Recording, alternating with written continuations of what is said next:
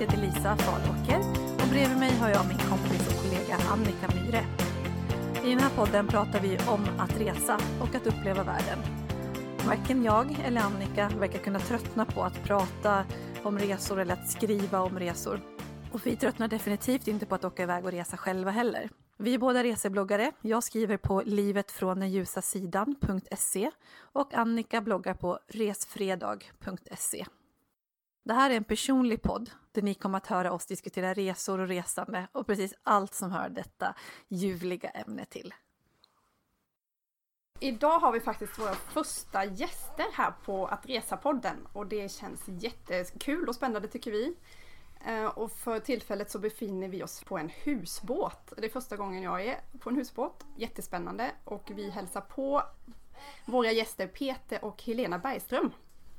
Välkommen hit till Att Resa-podden. Tack! Tack så mycket! Ni är precis hemkomna från ett helt år ute i Europa där ni inte har åkt husbåt utan ni har åkt husbil. Och, och, jag har följt er, både jag och Lisa har följt er resa på, på bloggen och på Instagram och det verkar, ni verkar ha haft ett fantastiskt år. Eh, jag skulle jättegärna vilja att ni presenterar er lite närmare. Vilka, vilka är ni? Ja, vad ska man säga om oss? Vi eh, träffades väl kanske för ungefär tio år sedan. Och kände vi redan från början att resa det är lite vår grej och sen har vi fått möjlighet att göra det mer och mer så har vi helt enkelt bara rest all tid som vi har möjlighet att resa. Och sen föddes väl den här drömmen om att resa runt Europa för, ja det är nog nästan sju år sedan. Och jag, jag är Peter, jag har sett, eh, jo jag håller, instämmer precis med vad du säger. Jag tror vi var tillsammans för tio år sedan, vi var tillsammans i tre månader och frågade vad vi ville göra, de största resorna och då sa vi Transsibiriska järnvägen och Nya Zeeland. Efter tre år hade vi gjort det. Så ungefär på den vägen är det. Vi är resenördar. Det stod liksom i, i ert avtal, ni ska resa under ert förhållande. Hur skriver det in det äktenskapsförordet? Ja, det står från början. Två barn, en är 28 och en är 20. Och de har varit med oss mycket på resorna i början, först för 5, 6, 7 år tillbaka. Så att Först reser vi bara med barn och nu reser vi mycket ensamma. Och det är båda gott inför min framtid och Lisas tänker jag. Vi som har ett gäng barn vi kan resa själva sen dra iväg ett år. Ett år är minimum. Precis. Men eh, ni säger också att ni hade vissa planer direkt och då undrar jag det här med eh, själva husbilandet i ett helt år i Europa. Hur länge hade ni drömt om den resan? Var det också någonting som ni pratade om direkt? Nej, det var det absolut inte skulle jag säga. Vi, ingen av oss har någon campingbakgrund överhuvudtaget. Och har nog aldrig kommit på tanken varken husbil eller husvagn eller någonting sånt. Det började faktiskt när vi reste på den här drömresan till Nya Zeeland för relativt länge sedan. När jag började titta runt hur man kan bo på Nya Zeeland och hur man kan resa och vi hade båda Peter Schöne med oss. Då kom jag fram till att det borde vara det bästa sättet att resa där. Ganska prisvärt, man kan göra sig mat själva och man kan ta sig runt och sådär. Så då föreslog jag det för Peter att vi kanske ska hyra en husbil. Och då tittade han på mig väldigt sådär eh, chockat och tyckte att va? Tror du att jag ser ut som en kampare eller? så det var inte sådär jättepositivt. Men eh, efter lite övertalning och jag fick visa olika ekonomiska beräkningar och så, så lyckades jag sälja in det här med husbil på Nya Zeeland. Och så reste vi runt där i tre veckor och sen kom vi hem och så köpte vi en husbil. Och när var detta i år? Alltså vilket år ungefär? 2007 var vi på Nya Zeeland och jag tror vi köpte husbilen 2008. Så ni har rest runt mycket med den eh, i övrigt också? Även i Sverige eller har det varit mer att ni har åkt på längre resor tidigare? Ja, vi har tagit Sverige-rutter så vi har åkt upp i Sverige ganska långt. Och mm, också med barn. Och vi har varit i Italien två gånger tidigare mm, under fem veckors tid. Och, ja, vi åker ju överallt. Vi åker, har inte vänner, fester. Varför åka hem efter en fest. Går ut, ställer sig på gatan, sover i bilen. Vi åker ner till Göteborg, ställer oss på Avenyn, ut och festar. Går rakt in i bilen och sover. det är ju perfekt. Ja, vilket koncept. Det är ju liksom lite det som eh, att ni heter Freedom Travel. Liksom. Det låter så mycket frihet just livet med husbil. Livet med husbil har varit mycket frihet för oss och det är just det, det är inte bara de här långa resorna som man planerar långt i förväg utan det är rätt lätt att sticka iväg bara på helgen, göra en kort resa i Sverige någonstans. Och så känns det som man är ute och reser även om man kanske bara åker till Trosa eller Strängnäs eller men man är ändå ute och reser. Jag, jag tänker, er, namnet på er blogg är ju Freedom Travel och det är också namnet på er husbil. Väl? Eller? Ja, eller namnet på vår husbil är Freedom. Mm. Och namnet på vår blogg är Freedom Travel. Och på bilen står det Freedom. Och nu i somras har vi tatuerat Fre- Freedom på våra ryggar också. Jaha, ni gjorde det nu när ni var på resan? Ah. Var kommer namnet ifrån? Hur kom ni på det? Vem, vem kom på det? Jag kommer inte ihåg vem som kom på det men det kom ganska snabbt när vi började med husbilen att det kändes som att det var det den stod för för oss. Det upplevde vi nog redan på Nya Zeeland. Det var det vi lite blev kära i. Att, att det var som frihetskänsla att resa med husbil. Att man kan resa precis dit man vill. Man behöver inte planera innan utan man, man kan ändra destination precis när man har lust eller ändra efter vädret. Eller det, från början var det var friheten som lockade med husbil.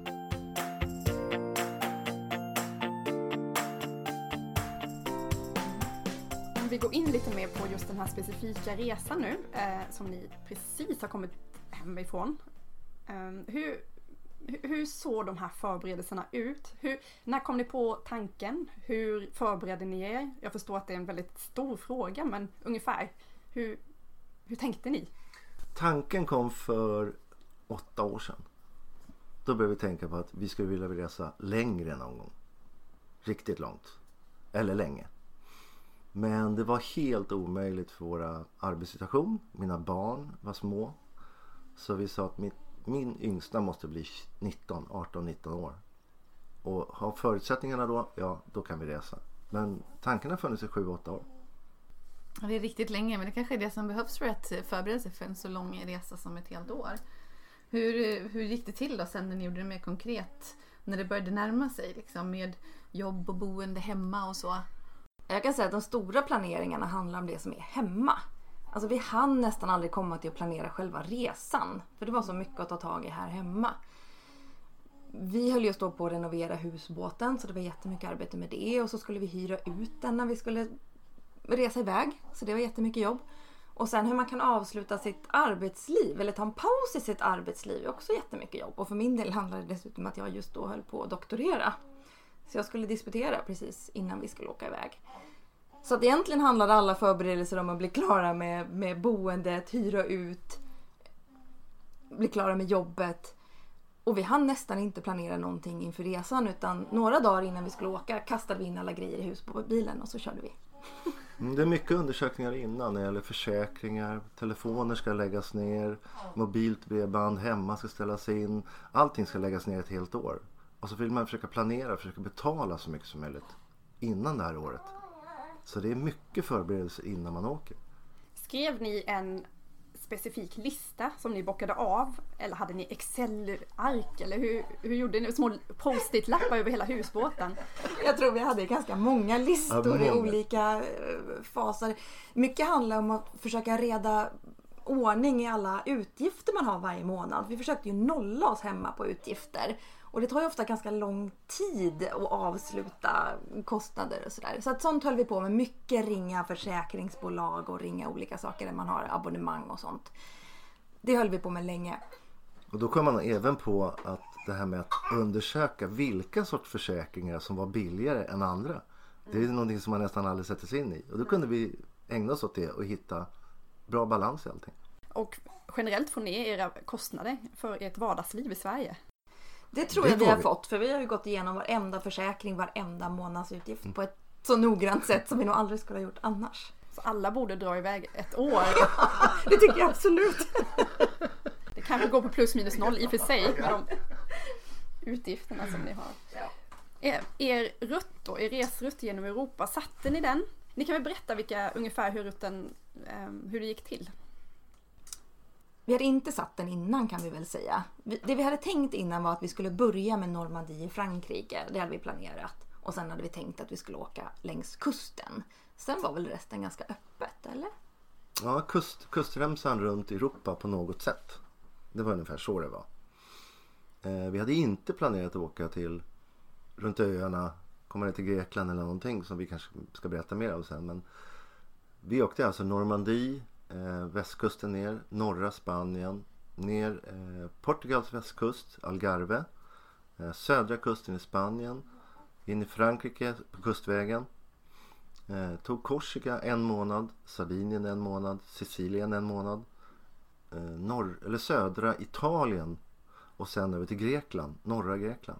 Och sen har vi tagit med oss mm, Albanien, Makedonien, Bosnien, Montenegro, Kroatien.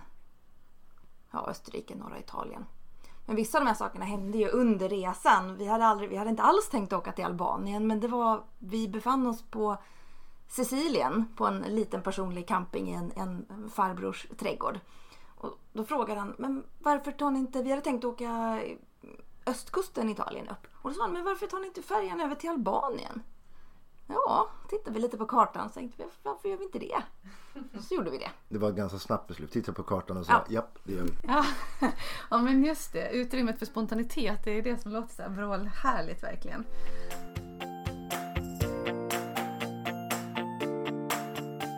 Men du åkte ner och hur många länder blev det? Nu missade jag räkna men det är 10, 12? Ja, vi har inte riktigt, vi har nog inte ens räknat själva. Nej. Vi har inte riktigt den här jakten på antal länder. Ehm, Vissa andra. ja, Då hade vi kunnat ta många länder till. då hade vi kunnat jaga lite det. fler. Vi fokuserade lite mer på att uppleva ganska mycket i varje land vi var. Så vi var ganska länge i många länder. Det är väl det de brukar prata om nu, eh, begreppet slow travel. Att ni vill eh, uppleva landet verkligen som, inte bara hasta igenom utan verkligen vara där och känna efter och äta maten som bjöds i landet. Och... Ja, på varje plats vi har varit längs med kusten så har det funnits någonting in i landet så har vi åkt in i landet och plockat upp det. För vi har läst överallt ungefär i områden där vi har varit. Så har vi varit vid kusten så har vi åkt upp till Granada. Har vi varit i kusten vid Frankrike så har vi åkt upp till eh, Gorge Verdon, Europas Grand Canyon. Så vi har åkt in zigzag i alla länder för att plocka upp så mycket som möjligt. Men sen stämmer också tycker jag det här som du säger med slow travel. Att man vill få lite känslan, man vill inte planera innan utan vara lite öppen för det som händer. Människor man råkar träffa, det är ju små saker ofta längs vägen. Inte bara de där sevärdheterna som man prickar in utan andra saker som händer längs vägen som man vill ha chansen att vara lite öppen för. Och som man kan vara när man reser så här långsamt och det, det har vi aldrig haft chansen till förut. När man har fyra veckors semester då ska man snabbt ner i Europa och så snabbt tillbaka. Ja, och checka av en massa saker på Ja. listan och det är ju mer upplevelserna finns ju helt andra saker. Och när jag har följt er på er resa så är det någonting utav det som har fascinerat mig mest. Vissa historier ni har haft där ni har träffat just människor och fått extremt härliga upplevelser utav det. Eh, kan ni inte berätta någonting om det? Några möten ni hade eller några så här, har ni några specifika minnen eller någonting som ni vill dela med oss? Ja, vi har ju haft många helt fantastiska möten.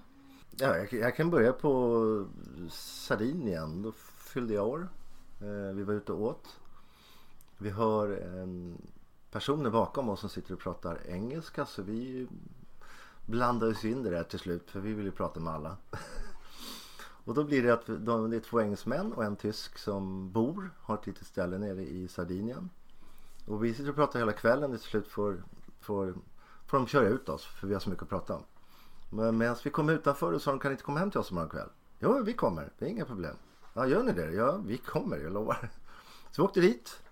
Och då har de dukat upp eh, med antipasti. Och ja, massa champagne och viner. Och här ska ni med oss. Sen följde vi med dem ut i byn. Handla lokalt på färsk, fräsch fläskkött. Grönt. Allting som ska till. Och så lagade vi mat tillsammans. Och sen plockar han fram Don Perignon 95 som han satt och drack där med italienska viner från 93 och helt fantastisk bjudning. Och bara över att träffa någon en dag och till en annan. Helt fan underbar upplevelse. Som bara hände. Helt otroligt. Det måste ju också ha en del mer som människor att göra förstås för att ni är öppna och liksom eh, ja, men öppnar upp för det. Det som blir lite häftigt med det här också det är att det känns som att man kommer. De sa ju ja men ni är nog de första turisterna i den här byn och lite så kändes det.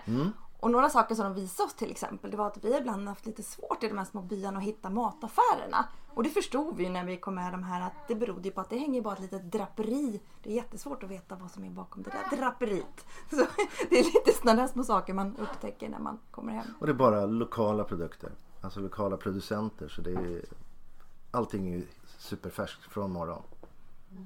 Så det är trevligt. Så hade vi en annan sak i Makedonien, men det kanske du vill ta? Ja, alltså i just Albanien och Makedonien var nog några av de länder där vi faktiskt allra mest blev väl emottagna av, av människor. Alltså helt fantastiskt. Jag vet inte om det beror på att det är lite mindre turister där, men vi tyckte det var helt fantastiskt. Och det som kanske var allra mest speciellt det var när vi stod på en camping i Makedonien. Då kom det fram två män som såg att vår bil var svenskregistrerad och det visade sig att de var eh, albanier från Makedonien men som bor i Sverige. Så att de pratade svenska. Men det var ju helt fantastiskt för vi fick väl de bästa lokala guider man kunde få som på svenska tog med oss runt och vi sa vi vill gärna ha albansk mat. För det var lite svårt att hitta på restaurangerna sådär. Vad, vad är liksom lokalt? Så att de, de tog ju med oss. Och I Albanien och Makedonien alla är otroligt gästvänliga så även om man försöker betala så är det väldigt, väldigt svårt. Och sen fick vi också åka med till en annan dag och åka och hälsa på eh, stan där de, där de bodde. Eh, och fick följa med hem till deras släktingar och blev utbjudna på restauranger och helt Träffa alla deras vänner. fantastiskt. Fantastisk upplevelse. Helt fantastiskt.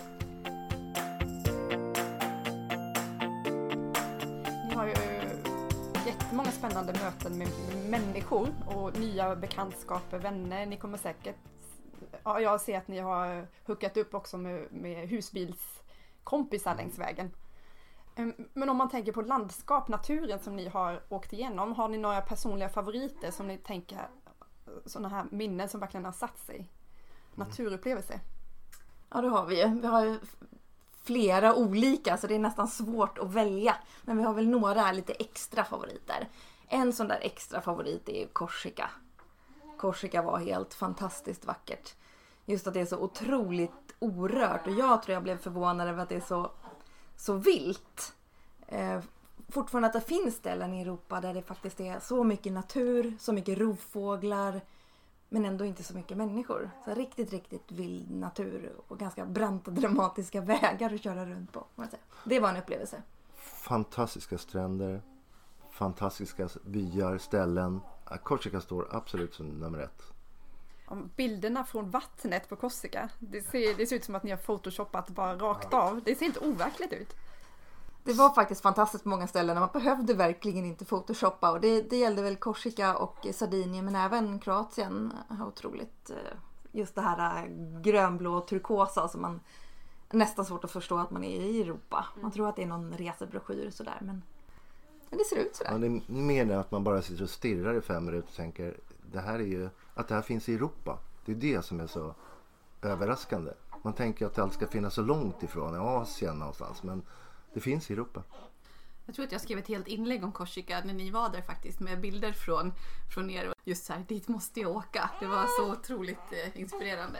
Och nu, nu är det ju så, vi vill ju såklart berätta om alla era fantastiska, otroliga upplevelser. Men om man kollar på, finns det några baksidor? Har ni varit med om några riktigt hemska saker eller jobbiga saker? Baksidan av ett, ett, ett av ställena vi var på det är absolut Sicilien. Eh, när vi kom in i Sicilien, vi, typ, alltså vi båtluffade över från eh, alla öarna. Så åkte vi då längs med västsidan neråt. Och eh, det var enormt mycket sopor. Otroligt dåliga vägar. Alla skyltar låg i dikena slängda. Och det var sopor så gott som överallt i naturen. Det är bara tippat rakt upp och ner. Så vi sa flera gånger till varandra. Kanske bakom nästa knut. Om det kommer att bli bättre. Annars vill jag lämna det här stället. Till slut kom vi ner till den blir den östra, sydöstra sidan. Och där var, när du kommer ner till, vad heter de alla ställena? Det är så mycket namn. Ja, runt eh, Taormina och Noto och Syracuse och så var det väldigt fint. Så vi ska absolut inte döma ut Nej. hela Sicilien. Men, men ena kusten där vi åkte var det väldigt mycket sopor. Men sen finns det andra fina, fina städer där också. Skulle jag säga. Men där är de finaste ställena på Men Sicilien. annars skulle jag säga om du tänker baksidor. Det, vi har nog inte så jättemånga baksidor att rapportera. Vi har inte varit med om något sådär förskräckligt under resan. Har vi det? Människor Nej, är ganska nej. vänliga och gästvänliga och snälla och trevliga. Det var nog vår erfarenhet faktiskt efter ett år runt vägarna. Mm, eh, ja, precis. Nej, in, inga, inga krångel och inga... Vi, vi hörde självklart. Eh, bland husbilsfolk så hör man där det finns en större stöldrisk. Och den finns i Barcelona, nedanför Barcelona. Där, där ska man passa bilen. Där går en och en in och handlar. Där finns ligor.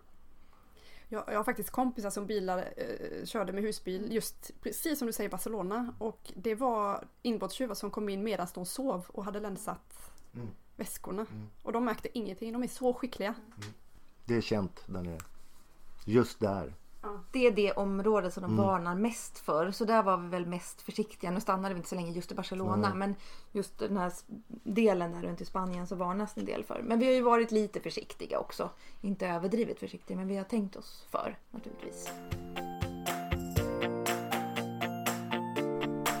Nu, ni bodde ju på, i, såklart i husbilen.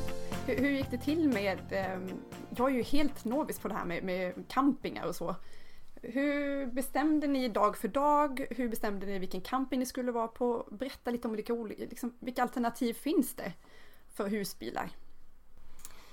Ja, det finns ju lite olika alternativ och det är ju ganska bra. Först och främst så kan man ju bo på en camping då. Och då är det ofta ganska bekvämt. Då har man ju all, all service och ofta kanske ännu mer service än man behöver om man säger. Med mycket lekgrejer och restauranger och beror på vad det är för sorts camping. Det finns alla sorter. Sen finns det också det som man i husbilsvärlden kallar för ställplatser. Och det är kan man säga lite enklare ställen där man kan stanna. Där man också betalar en slant per natt. Men det är ofta, ofta står man på en grus eller asfaltplats. Man kanske har el. Eh, man vet att man får stå där och kanske lite safety och eventuellt viss service. Ehm, så det är ett lite enklare ställe att stå. Sätt att stå. Och sen kan man också göra det då som kallas för frikampa. Och det är helt enkelt att man ställer sig någonstans på en parkering eller i naturen. Och det är klart, då får man ju se lite grann vad som är tillåtet kanske i det landet och vad det känns säkert och tryggt och så. Men det, det är också många som gör nere i Europa så det går bra på många ställen också. Så vi kombinerar de här tre sätten att bo kan man väl säga. Då, då är det väldigt skönt att ta in på en camping med all service och kunna tvätta kläder och ha tillgång till bra toaletter och duschar och sådär. Men emellanåt kan det också vara helt fantastiskt att frikampa nere vid någon strand där man står alldeles ensam eller någonting sånt. Normal, normal eh, betalning för en vanlig camping den kan skifta från 150 kronor till 1000 kronor natten. Oj, tusen kronor, det är som hotellrum. Ja, nu kanske man ska säga att 1000 kronor då är det en väldigt exklusiv Ja, camping och så exklusiv. är det kanske Mm. för mer än två personer också. Det brukar inte kosta. Nej det brukar inte kosta men det finns alltså nere runt Venedig och det har funnits nere vid eh, södra Spanien också på vissa ställen som är väldigt fina. Så det finns lyxcampingar, verkligen. Men normalt brukar folk välja någonstans på mellan 100 till 250 kronor.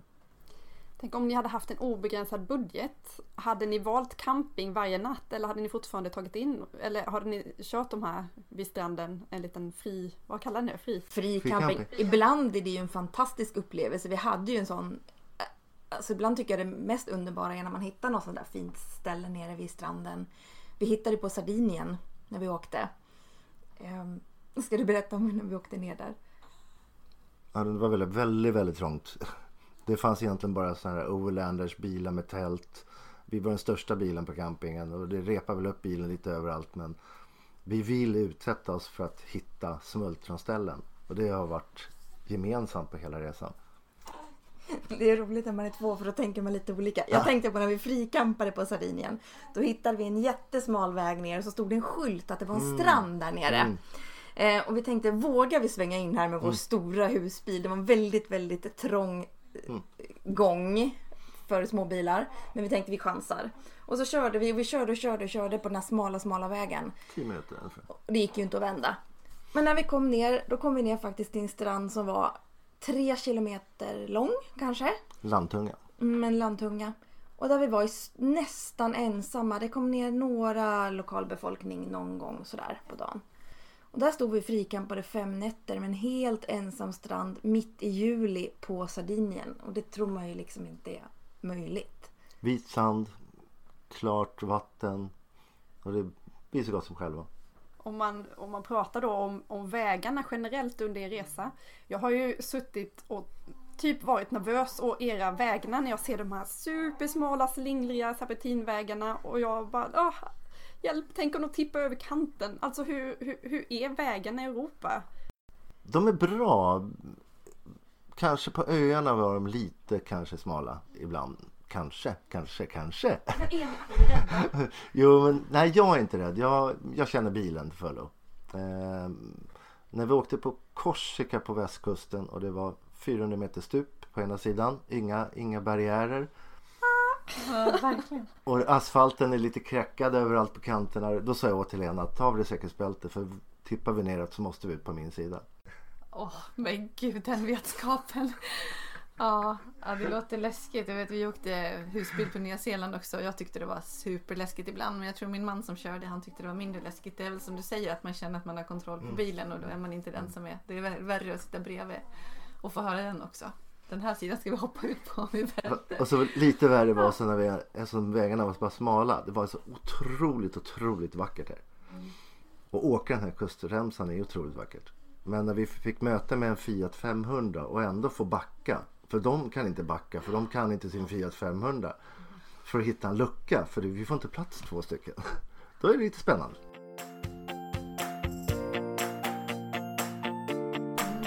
Eh, jag har en annan fråga om boende. Eh, ifall att det är fler som lyssnar på det här som inte har husbil.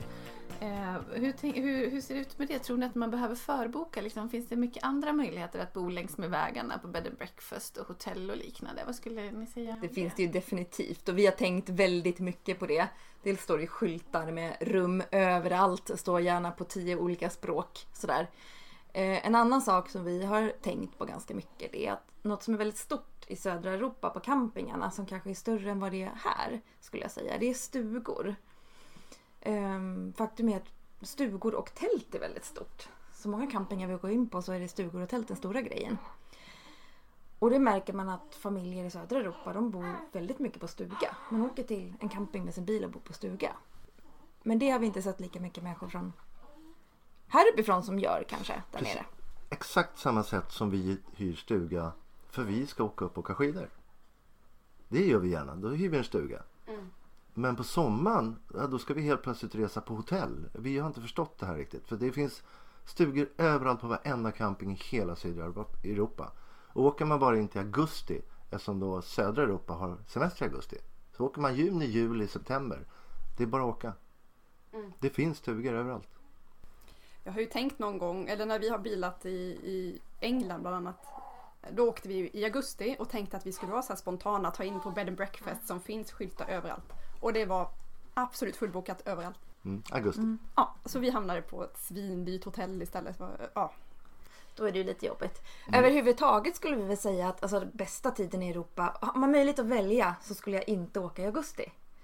Det är ju fantastiskt att åka i juni och i september. Då är det fantastiskt väder där nere, det är inte så mycket folk överallt, det är ingen trängsel, man behöver absolut inte förboka. Så om man har möjligheten skulle jag välja Och eftersom det blir i södra Europa så, kan det bli, så hamnar vi i augusti på mellan 36 och 42 grader så blir det jobbigt ändå. Mm. Bra tips tar vi med oss. När vi ska åka husbil eller generellt bara åka på semester. Undvika augusti. Mm. Jag tänker priserna också sätts ju därefter. Priserna sätts ju också därefter, absolut. Det är ju dyrare i augusti. Eh, Och särskilt bor man på campingar så märker man stor skillnad. Även juli brukar vara billigare än augusti. Augusti är, är peak. När vi kommer in på det här med, med priser. Jag tycker att det är väldigt spännande att höra om budgeten för er, eh, för er resa. Och ni har skrivit ett jätte, jättebra inlägg om det här på bloggen. Men jag skulle gärna vilja att ni berättar lite mer, i stora drag i alla fall, om, om hur ni tänkte med budget och hur den såg ut. Nej, det är klart att vi var tvungna att räkna på en budget innan och det är inte gratis att resa, det är omöjligt. Men man kan hålla ner rätt mycket kostnader genom att åka husbil. Och det vi bland annat kunnat göra är att vi har för det mesta lagat mat i husbilen och på det sättet håller vi ju ner kostnaderna väldigt mycket. Vi hade väl en budget på, vad vi legat på ungefär 25 000 kronor per månad. Och då räknar vi in allting och det är ju det som, som kanske just när man, när man reser under ett helt år så är det inte bara en semesterresa utan det är ju faktiskt att man lever ett helt år. Så i den kostnaden så är det inte bara boende och mat och nöjen utan det handlar ju också om försäkringar, eh, internet, eh, om bilen går sönder som den naturligtvis har gjort ibland. Eh, man behöver köpa något klädesplagg ibland under ett år och så vidare. Så att det är allt, allt i, den, i den kostnaden. Precis, för, för enligt det här inlägget, det är i runda slängar 300 000 som, som det har kostat ett år. Ja, Precis. inklusive. Och då har ni allt. verkligen räknat med allting. Ja.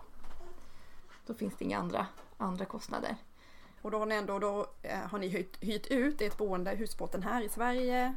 Precis, vi har nollat alla kostnader hemma. Det, det jobbar vi ju länge med. Vi, vi sålde personbilen och så att vi har inga som helst kostnader hemma. Och vi sa även upp eh, det ingår ju också att offra lite saker om man ska resa så här länge. Det är en lyx att kunna resa så här länge.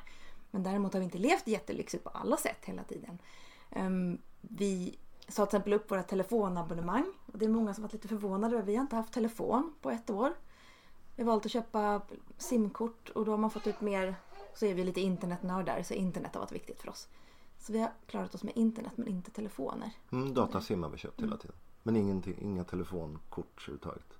Så ni har kommunicerat via, via typ Facebook, Facebook, och... ja. Tänk om ni skulle behöva, kan man ringa eh, 112 på, på... Du kan ringa via Messenger vad du vill. Sen märker man ju när man bor i husbil också att man behöver faktiskt inte så mycket. Vi har ju bott ett år på inte så jättemånga kvadratmeter och jag kan inte känna att det är... Vi har inte saknat någonting. Nej. Vad packar man med sig egentligen? Hade, gjorde någon slags packlista innan ni åker? Shortsen. Nej, vi hade ju flera, vi hade ju flera olika eh, årstider. Vi, hade ju, vi var i Frankrike när vi startade i december. Och det var inte varmt. Jag packar alltid fel. Jag har aldrig lärt mig packa. Så jag packar alltid med mig för mycket med fel saker. Jag har mycket att lära gäller packning. Har ni fått köpa mycket under resan? Alltså komplettera saker som ni saknar, som ni kommer på och i så fall vad? Har ni något konkret exempel? Inte så jättemycket men däremot kan vi ju säga att vi har dragit vissa erfarenheter och lärt oss hur vi skulle packat annorlunda. Det, det, det lär man ju sig. Till exempel så packade vi en kolgrill och tyckte det kändes jättetrevligt. Men sen insåg vi att det är förbjudet i nästan hela södra Europa att grilla med kolgrill på campingarna. Så den, den Den har åkt med. har åkt med. det är sånt som man lär sig. Eh, Ja, det, var, det, det var för mycket skjortor och för mycket jackor. Det är svårt att packa för ett år. Det krävs erfarenhet av det också. Jag hade inte heller så mycket tid faktiskt att planera. Många tror att när man reser ett år, ja då ägnar man jättemycket tid åt att tänka på resan. Men faktum är att det var så mycket runt om att planera så att resan blev lite så här, "Åh, nu slänger vi ner. För grejen är, om man tänker att allting ska bli perfekt, då kommer man inte iväg. Då blir det ingen resa.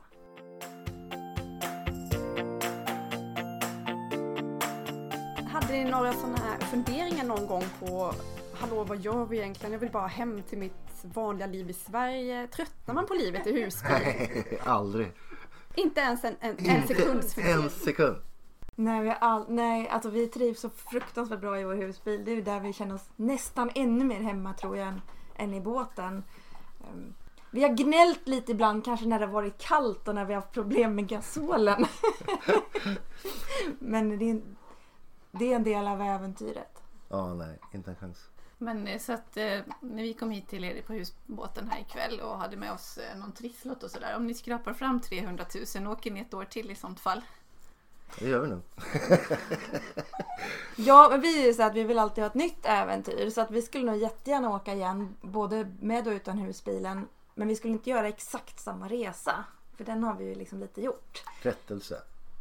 Vi kommer aldrig göra samma Vi kommer resa. inte göra samma resa. Utan då är det något annat som lockar.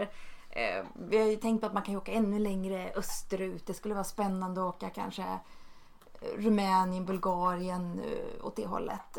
Moldavien, Kaliningrad. Där har vi en tanke på ett halvårsresa. Åka öst, hela östblocket. Har ni plats över i bilen? Vä- Väcktes den tanken när ni kom in i Albanien och de här länderna som ni först inte hade tänkt åka till när ni tog lite längre österut än vad ni egentligen hade planerat? Ja, bland annat. Det är Ja. nog faktiskt sant. Vi blev väldigt eh, inspirerade av att åka där. Det var en fantastisk resa. Dels är landskapet i Albanien fantastiskt och sen var människorna så underbara på ett sätt som vi inte hade räknat med.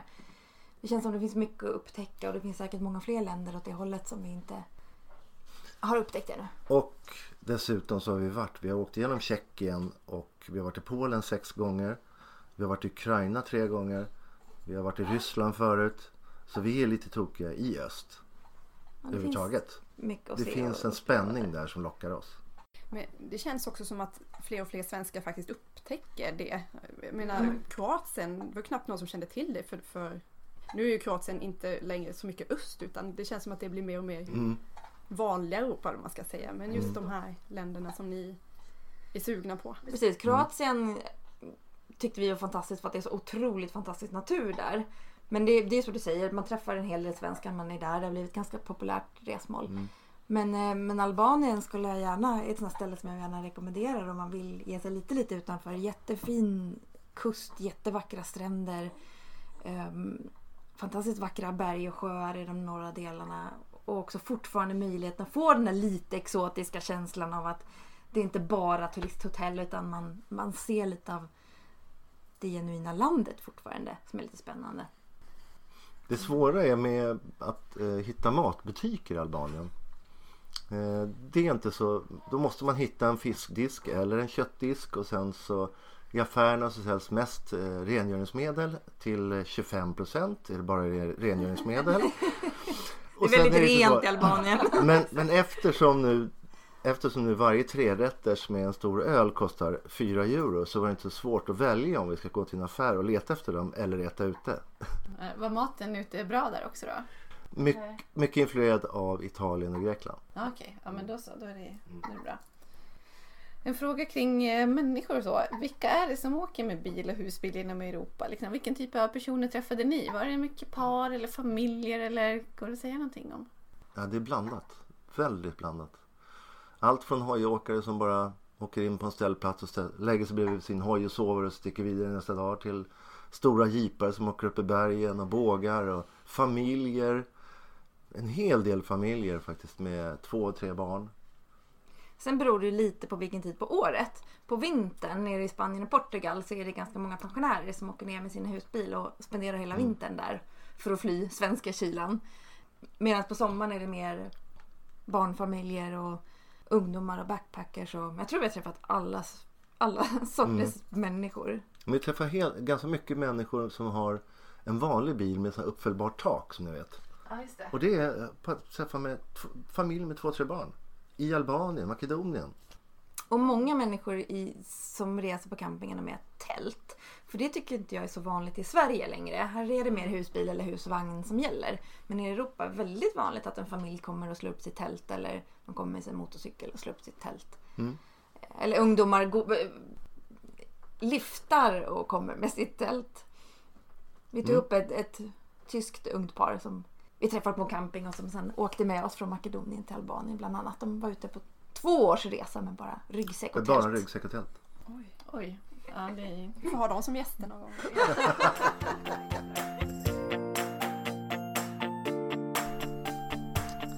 Jag vet att ni har fått den här frågan jättemånga gånger. Ni kanske har börjat tröttna på den. Men blev ni aldrig ovänner? Det är helt sant. Vi har fått Nej. den frågan ganska många gånger. Ska man säga nå- någonting som en små irritation på ett morgonhumör. högst. Alltså vi, vi är så sjukt samspelta så det är, vi ger oss tid. Om jag vill sitta vid datorn, om hon vill sitta och skriva någonstans. För det första har vi, öppnar vi ena dörren ut från bilen. Då har vi Europa som ett vardagsrum. Så överallt kan man ta vägen någonstans.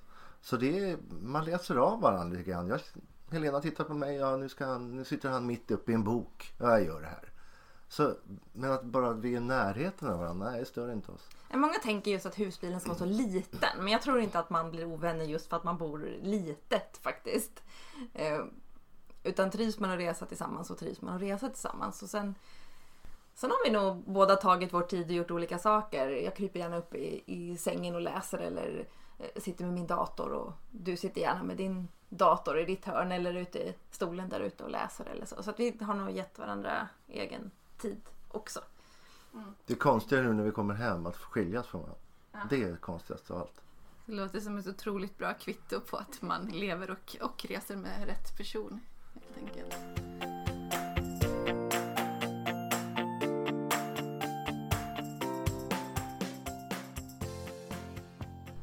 Ja, då får vi tacka Helena och Peter jättemycket för att vi har fått komma och lyssna på er, om er spännande resa. Det låter som helt fantastiskt med grymma upplevelser och att vi också har fått en massa tips och tricks. Så tack så jättemycket!